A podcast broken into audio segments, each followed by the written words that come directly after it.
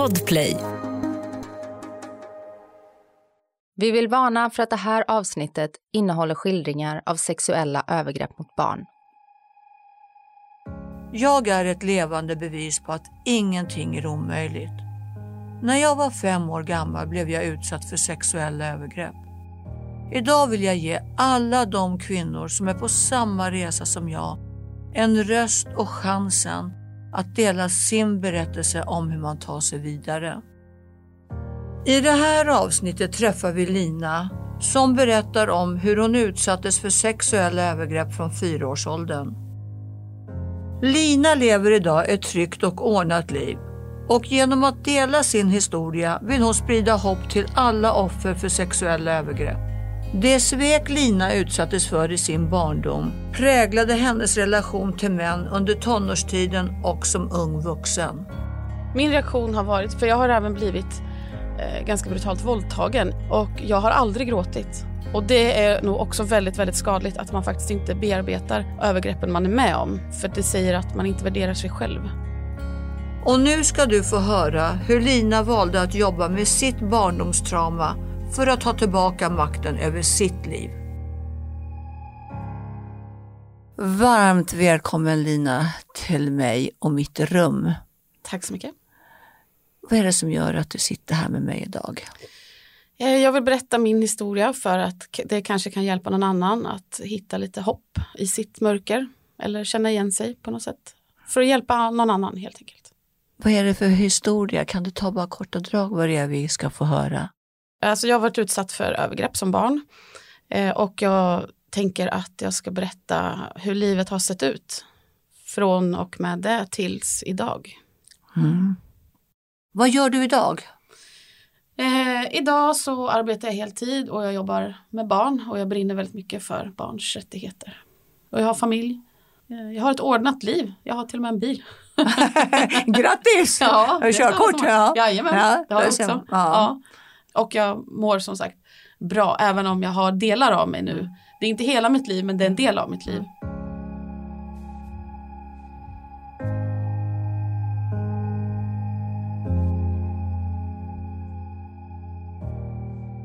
Ska vi börja med vad du fick gå igenom som barn?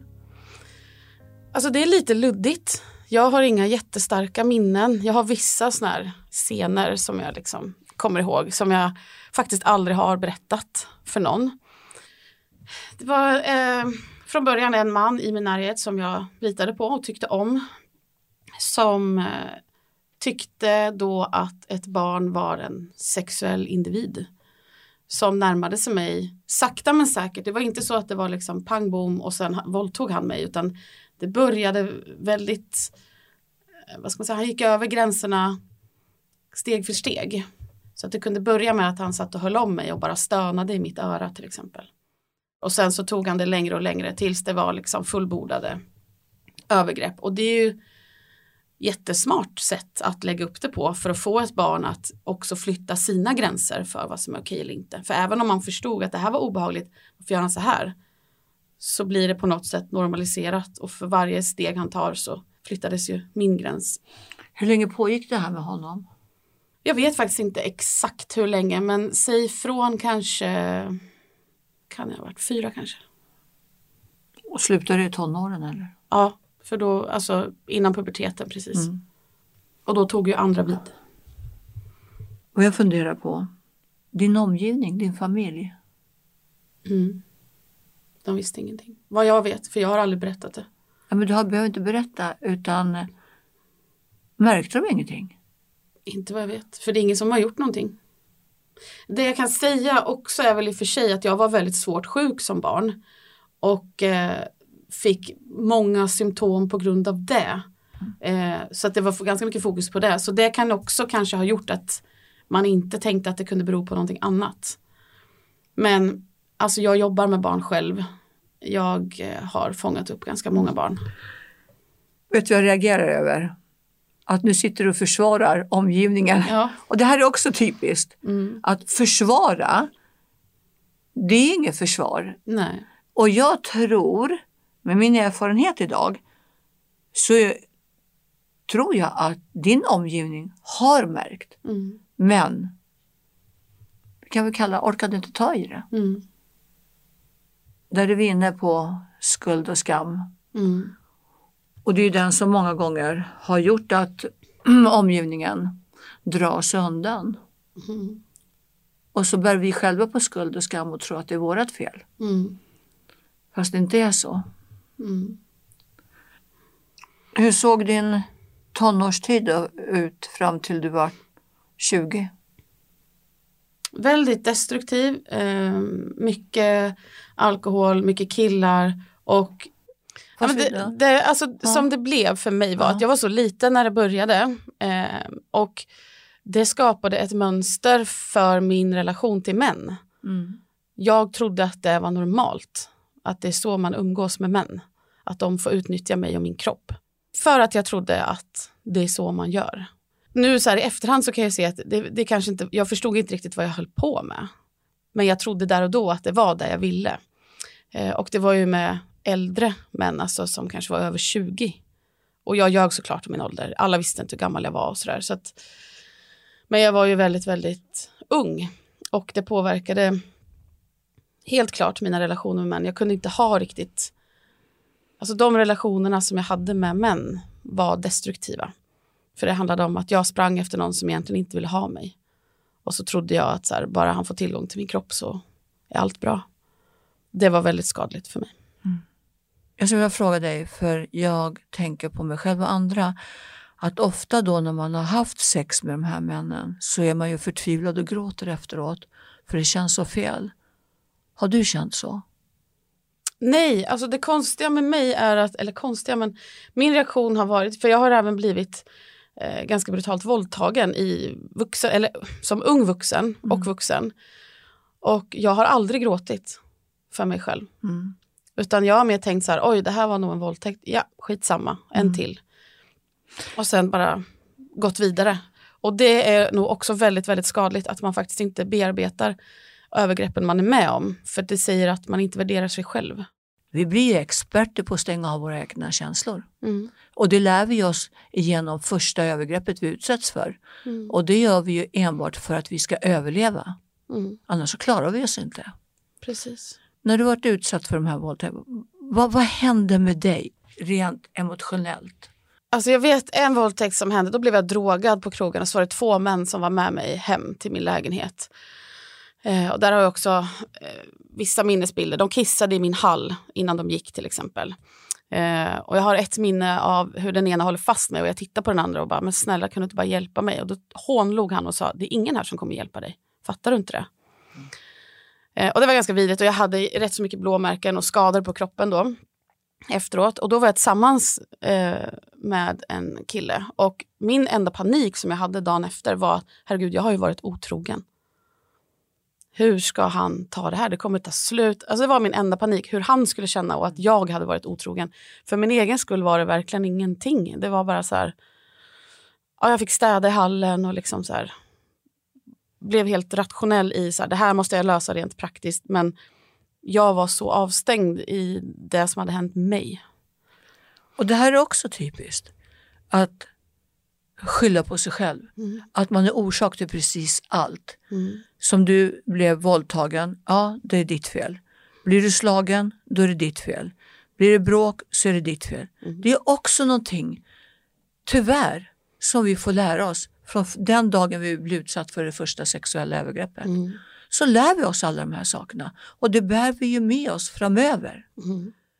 Alltså jag har ju en hjärtfrekvens nu på, ja, jag vet inte hur hög den är. Jag blir alltid lika ledsen. Det spelar ingen roll, jag kommer kunna intervjua hundra kvinnor, tusen kvinnor. Jag kommer reagera likadant. Mm. Eh, det gör så ont. För återigen sitter jag här med en kvinna som är utsatt. Och jag har börjat förstå att mörkertalet är ju så enormt mycket större än vad vi pratar om. Mm. Och när jag ser dig sitta här mitt emot mig så är det nästan som att jag faller själv. Just det här sorgen. Att veta att du behöver gå igenom det här. Det gör ont. Mm. Och ändå så är du den här underbara tjejen som man kan inte låta bli att älska. Alltså det är också tror jag, en överlevnadsstrategi för att när jag tittar tillbaka på livet så har de flesta alltid beskrivit mig som glad och att jag gör andra glada och att jag alltid Mm. hjälper alla andra och sådär. Och det har nog också varit en överlevnadsstrategi. Att alltid fokus på alla andra. Då blir det inte så mycket fokus på mig. Kan du inte berätta mer om hur du har känt det, hur du känner inom dig när du gick igenom allt det här? Vad hände med dig? Jag skulle nog säga att jag har försökt att känna så lite som möjligt. Eh, jag har stängt av och det börjar med redan som barn. Men mörkret och smärtan behöver ändå komma ut på något sätt. Men jag har stängt av förmågan att gråta ute. Och det rekommenderar jag ingen för det är jätteskadligt. Jag har svårt för det än idag. Jag, jag gråter väldigt lätt för andra men jag kan inte gråta för min egen skull. Min kanal ut, hur jag har hanterat mörkret har varit genom att skära mig också redan som barn. Eh, vilket är en ofantligt stor sorg. Jag, jag skar mig så djupt en gång i armarna att jag blödde i flera dagar. För det gick inte ihop, det hade behövt sys. Och ingen i skolan, jag var på ungdomsmottagningen då, jag var kanske 13. Och så skulle jag ha p-piller och hon såg mina sår och bara oj vad har du gjort här? Och då provade jag att öppna mig för den här vuxna människan för jag trodde att hon var trygg och sa jag har skurit mig för jag mår inget bra. Oj det måste du sluta med sa hon, sen hände inget mer. Mm. Eh, Jag har också börjat dricka väldigt tidigt. Eh, Ja, missbrukat sex, droger, massor med olika saker för att liksom på något sätt försöka döva den här ångesten, fly någonstans liksom i stunden. Jag har gjort att jag har hamnat i ännu värre situationer och mått ännu sämre i slutändan men det är liksom de strategierna jag har använt mig av.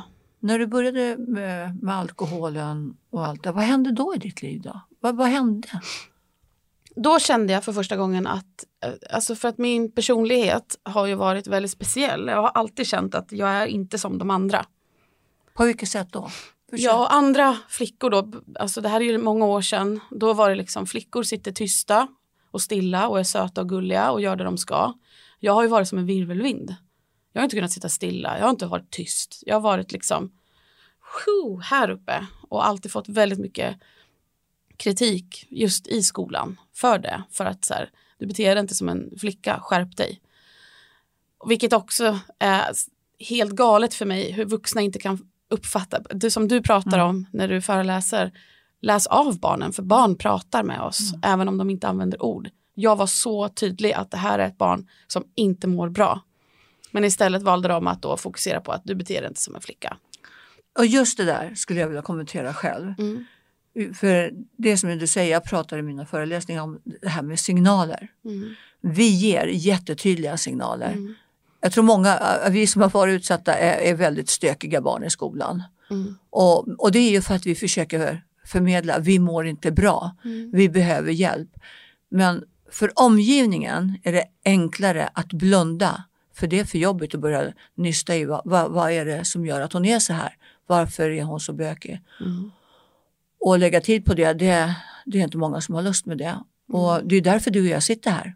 Mm. Och det är för att vi vill skapa den här förändringen i samhället. Mm. Att få människor nu runt omkring oss genom den här podden att börja våga se. Mm. För det är ju som jag säger, det är avskyvärt, det är fruktansvärt smärtsamt att få höra att ett litet barn blir utsatt för sexuella övergrepp. Men en sak ska vi ha klart för oss. Det är så mycket värre och hemskare att tiga still och inte prata om det och förneka det. Ja, det kan jag säga att jag har mycket mer smärta kring och minnen kring alla som har blundat än själva övergreppen i sig. Mm. Det har gjort ondare med dem som bara har skitit i det. Mm. Faktiskt. Ja, och det, gör, det, det finns inget som gör det finns inget som gör så ont att bli sviken. Mm. Att inte någon vill se och höra en. Det är fruktansvärt. Mm. Speciellt när det handlar om barn. Ja, alla klarar ju inte av att leva vidare. Nej. Men du har, tack gode gud, även om det är som det är idag, men det ska vi gå in på sen, men du sitter trots allt här. Mm. Med, på nåder.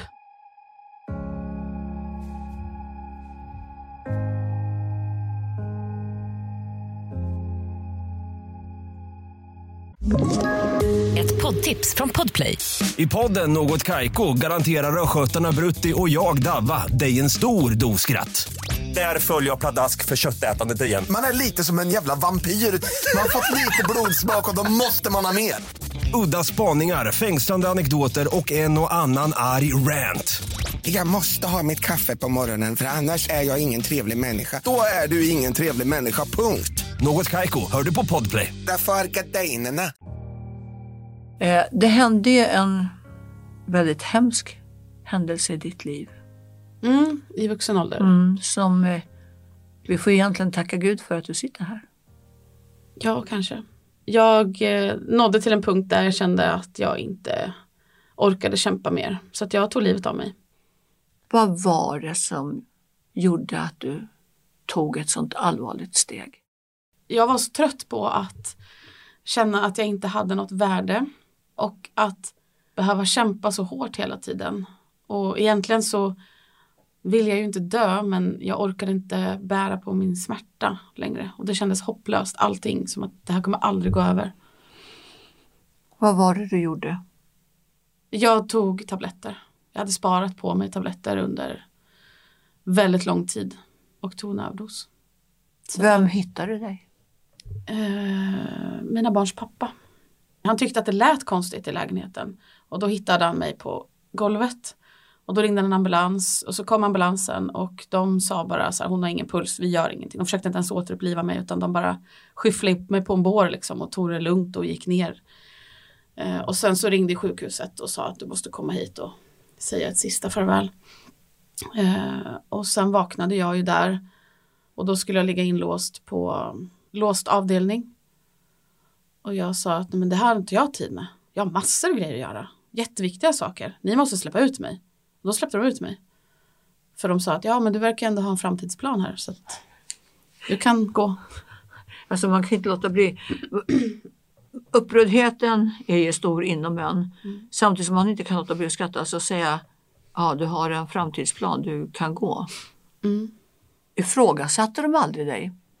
Varför du gjorde det här? Nej. Inte vad jag minns ska jag säga. Nej.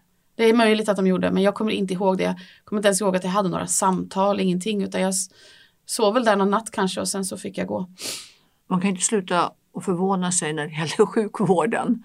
Tyvärr. Nej, ibland är det fantastiskt och Mm, ibland är det bara mm. så här ett skämt. Mm. Det var en kurator som tog kontakt med mig då som jag hade träffat an, innan här vid andra tillfällen och hon sa att du måste bearbeta det här. Det här är ett trauma, det är en jätteallvarlig händelse. Om du inte bearbetar det här nu på rätt sätt så kan det sätta liksom spår i dig och, och liksom trassla ihop det för dig fram, framöver. Så jag vill, jag vill träffa dig under en period. Men jag sket det. Så jag har inte bearbetat det själv heller faktiskt. När vi pratar om det så här nu då, känner du någonting eller? Nej. Alltså det är min så standard. Jag har stängt av det. Ja, det har hänt. Nu går vi vidare. Så. Mm. Det är inget att hålla på och ödsla tid på. Men när det gäller den biten, bearbetningen är ju det du har gått igenom. De saker du har blivit utsatt för. Mm. Det är de som är viktiga att bearbeta. Samtidigt så är det ju viktigt att hitta, som du har gjort, vissa strategier för att överleva idag och kunna hantera vardagen och även de här känslorna som kommer över dig mellan varven. Det är det som är viktigt. Sen så är jag ju övertygad om att successivt så kommer det här komma. Mm. Jag är 68 år. Det tog mig ända till jag var 65. Och jag menar, har man mycket trauman i bagaget så måste du få ta, alltså man får ta pö om pö, lite i taget. För man kan inte ta allting på en gång för då blir det övermäktigt och det vet ju du med. Mm. Känner du att du verkligen har bearbetat ditt liv? Ehm, både ja och nej, men kanske mest nej. För att jag har ju inte berättat det här för någon. Ehm, så att jag har ju bara tagit till egna strategier som mest har handlat om att fly eller känna smärta på annat sätt för att den här smärtan inte ska ta över. Ehm, men jag tycker ändå att alltså jag har ju bearbetat det på mitt sätt men inte med professionell hjälp. Sen om det har varit bra eller dåligt men det är klart att jag har en bit kvar, absolut. Varför vill du inte berätta för andra hur det ligger till? Jag har känt skam Jag har varit rädd för vad jag ska göra om jag berättar liksom vem det var. Eh, det gör mig också väldigt rädd eftersom eh, andra som berättar, ofta tar man mannen i försvar och, tänk, och säger att men han som är så trevlig, han som har så bra jobb och han som, nej men han skulle aldrig göra något sånt och så står man där. Så att jag har liksom inte känt att det har varit värt det. Mm. Och det är just det här vi säger som du säger att det här skam. Mm. Det är någonting man hör hela tiden och man själv har känt att den här skammen och skulden. Men skammen och skulden tillhör inte oss. Mm. Utan skammen och skulden ska läggas där den hör hemma. På riktigt och det är på förövaren. Mm. Så vi barn ska ta bort det och du ska ta bort det för det är inte ditt fel. Det är inte din skam. Nej. Utan det är han som gjorde det här på lilla dig. Mm. Han ska känna skam och skuld. Mm. Jag tror också att jag har försökt skydda dem. Att om jag berättar det här så kommer jag göra andra ledsna. Mm. Och det är också tyvärr typiskt. Mm. Att vi ska skydda hela omgivningen och eh, vi ska ta på oss allting. Men eh, egentligen så vet vi att vi skulle må bra av att berätta som det är. Mm. Att få släppa på allt det vi bär på. Absolut, jag skulle ge helt andra råd och jag ger helt andra råd till hur andra ska göra mm. än vad jag själv har gjort. Mm. Så det vill man ju uppmana de som hör det här. Våga berätta. Och jag tänker också att den som tar emot det, den man berättar för, mm. om det, för det kommer vara jobbigt att ta emot det, mm. men våga säga då, jag vet inte hur jag ska reagera nu. Mm om det är så att man inte vet, alltså istället för att säga någon klyscha mm. eller så som man tror blir bra, våga vara ärlig då och säga det här är helt fruktansvärt, mm. du borde inte ha varit med om det här. Hur kan jag stötta dig? Mm. Eller vad vill du att jag ska göra? Alltså och vara öppen för att ja, hellre det, att vara ärlig med det än att säga något annat som bara landar snett. Det blir ju som en chock för den som eh, får höra det här. Mm. Eh, och som mamma är det ju jättesvårt att hantera och veta att ens barn har blivit utsatt mm. och inte ens har sett det och kanske inte ens har kunnat agera. Jag skulle varmt rekommendera att man gemensamt söker hjälp mm. för att kunna bearbeta det här. Mm. Så att mamman också får hjälp med hur ska jag stötta mitt barn. Mm. För det, det är inte en lätt situation, det är jättesvårt.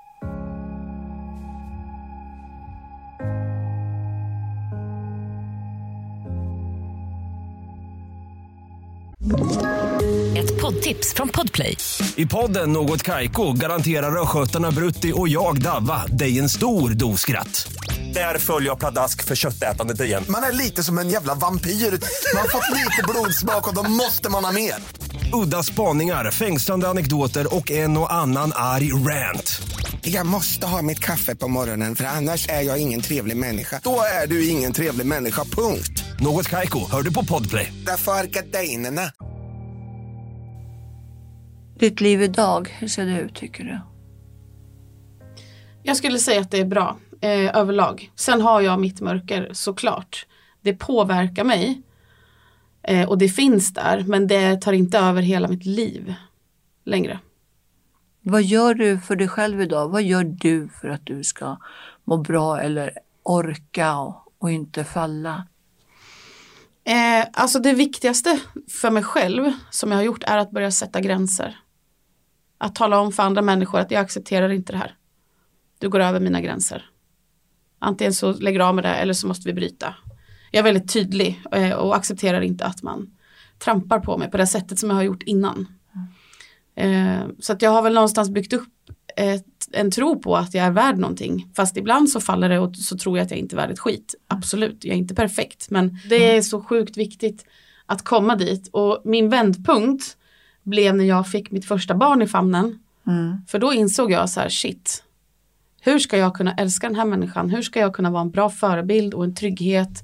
Hur ska jag kunna ge det här barnet allt mm. som jag vill ge det? Jag har inte de verktygen och då sökte jag hjälp för första gången. Mm. Även om jag hade fått samtal och så innan men det var då jag första gången själv sökte hjälp och jag fick fantastisk hjälp mm. då.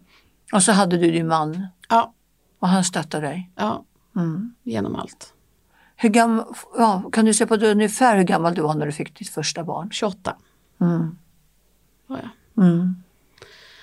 Eh, och ehm, sen, jag är väl absolut inte en perfekt förälder, eh, men jag har trygga, älskade, välmående barn som vet sitt värde.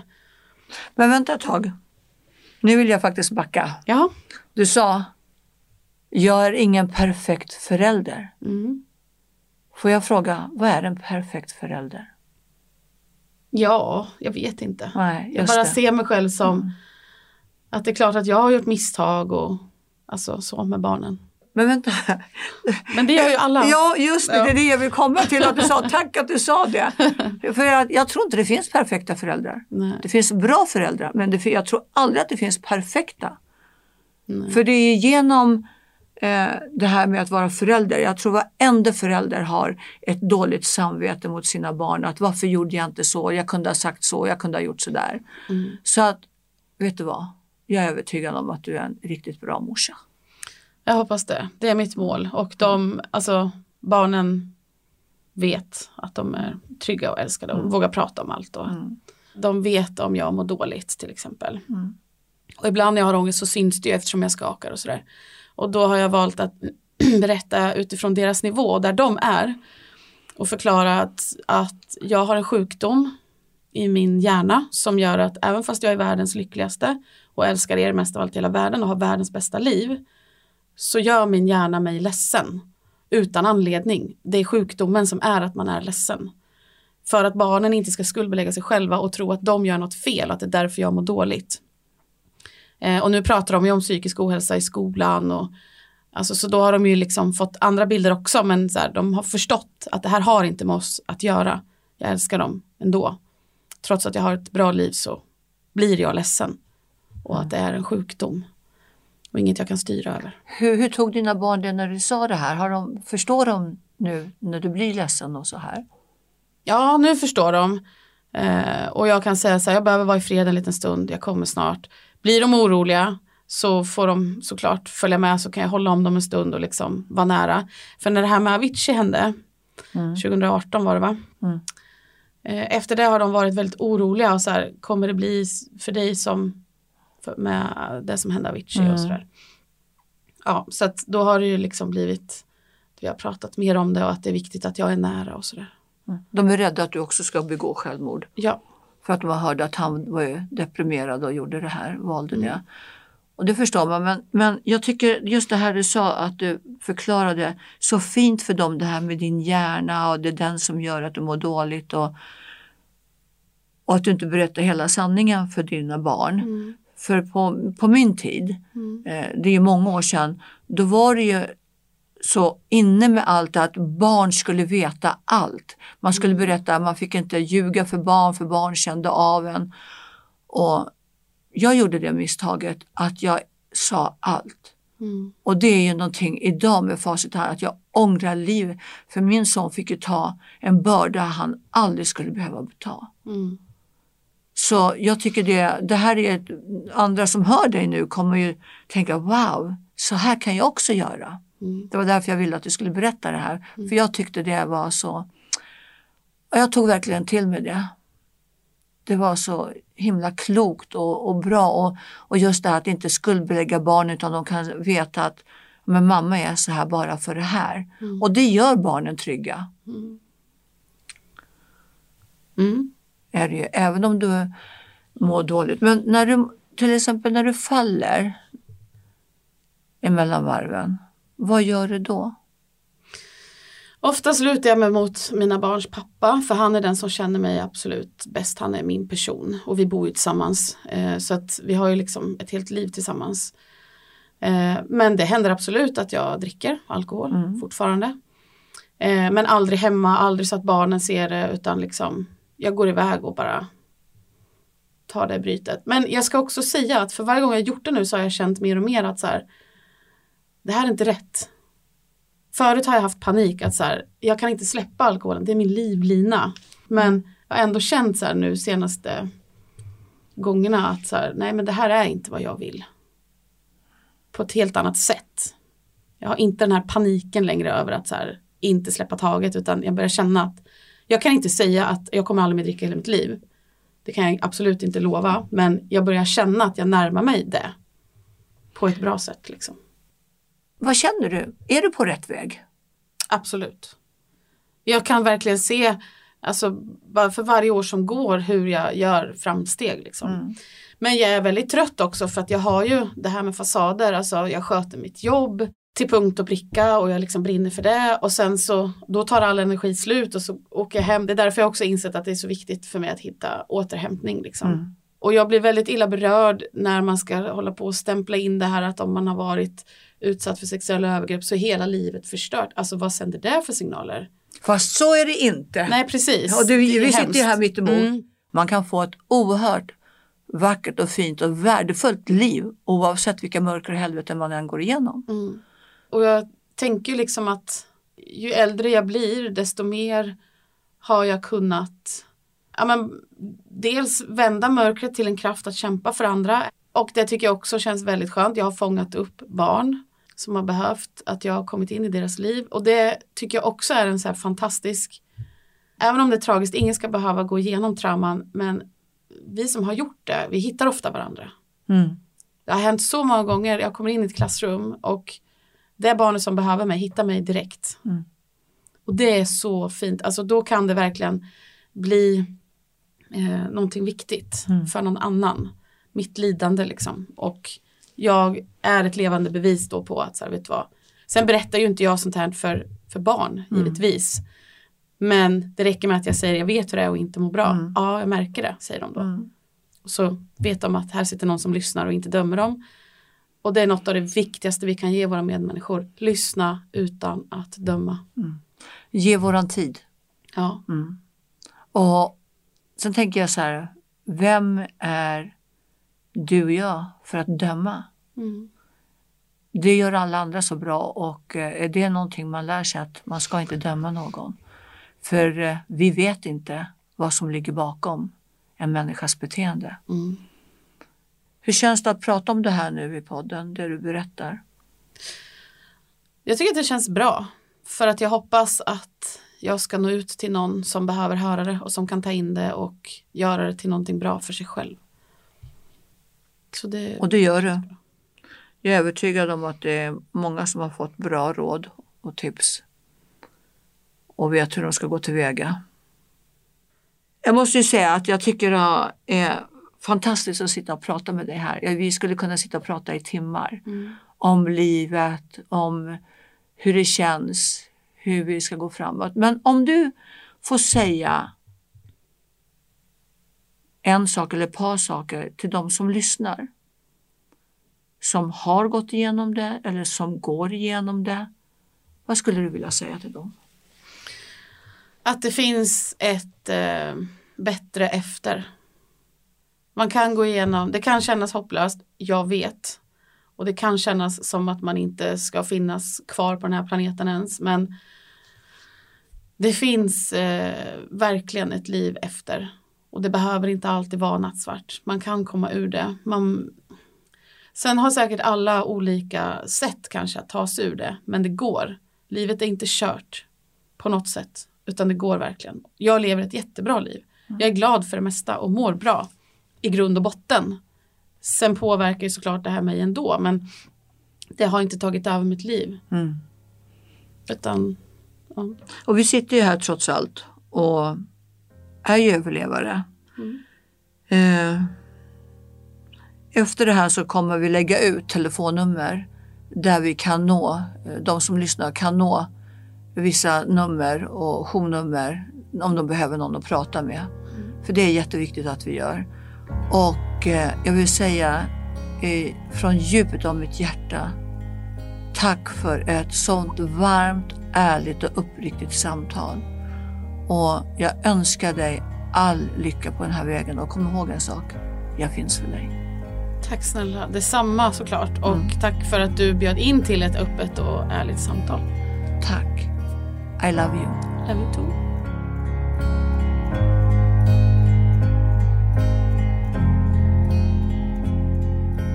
Om du vill prata med någon om dina upplevelser eller har frågor om våld i nära relationer och sexuella övergrepp kan du kontakta Kvinnofridslinjen på nummer 020 50 50 50. Detta är en produktion av Fuse PR och Gabardin för Podplay. Producenter Anna Hegerstrand och Sofie Brussell. Klippning Ludvig Sjöström. Exekutiv producent Jonas Lindskog. Podplay, en del av Power Media. Ett poddtips från Podplay. I fallen jag aldrig glömmer djupdyker Hasse Aro i arbetet bakom några av Sveriges mest uppseendeväckande brottsutredningar. Går vi in med hemlig telefonavlyssning och, och då upplever vi att vi får en total förändring av hans beteende. Vad är det som händer nu? Vem är det som läcker? Och så säger han att jag är kriminell, jag har varit kriminell i hela mitt liv men att mörda ett barn, där går min gräns. Nya säsongen av Fallen jag aldrig glömmer på Podplay.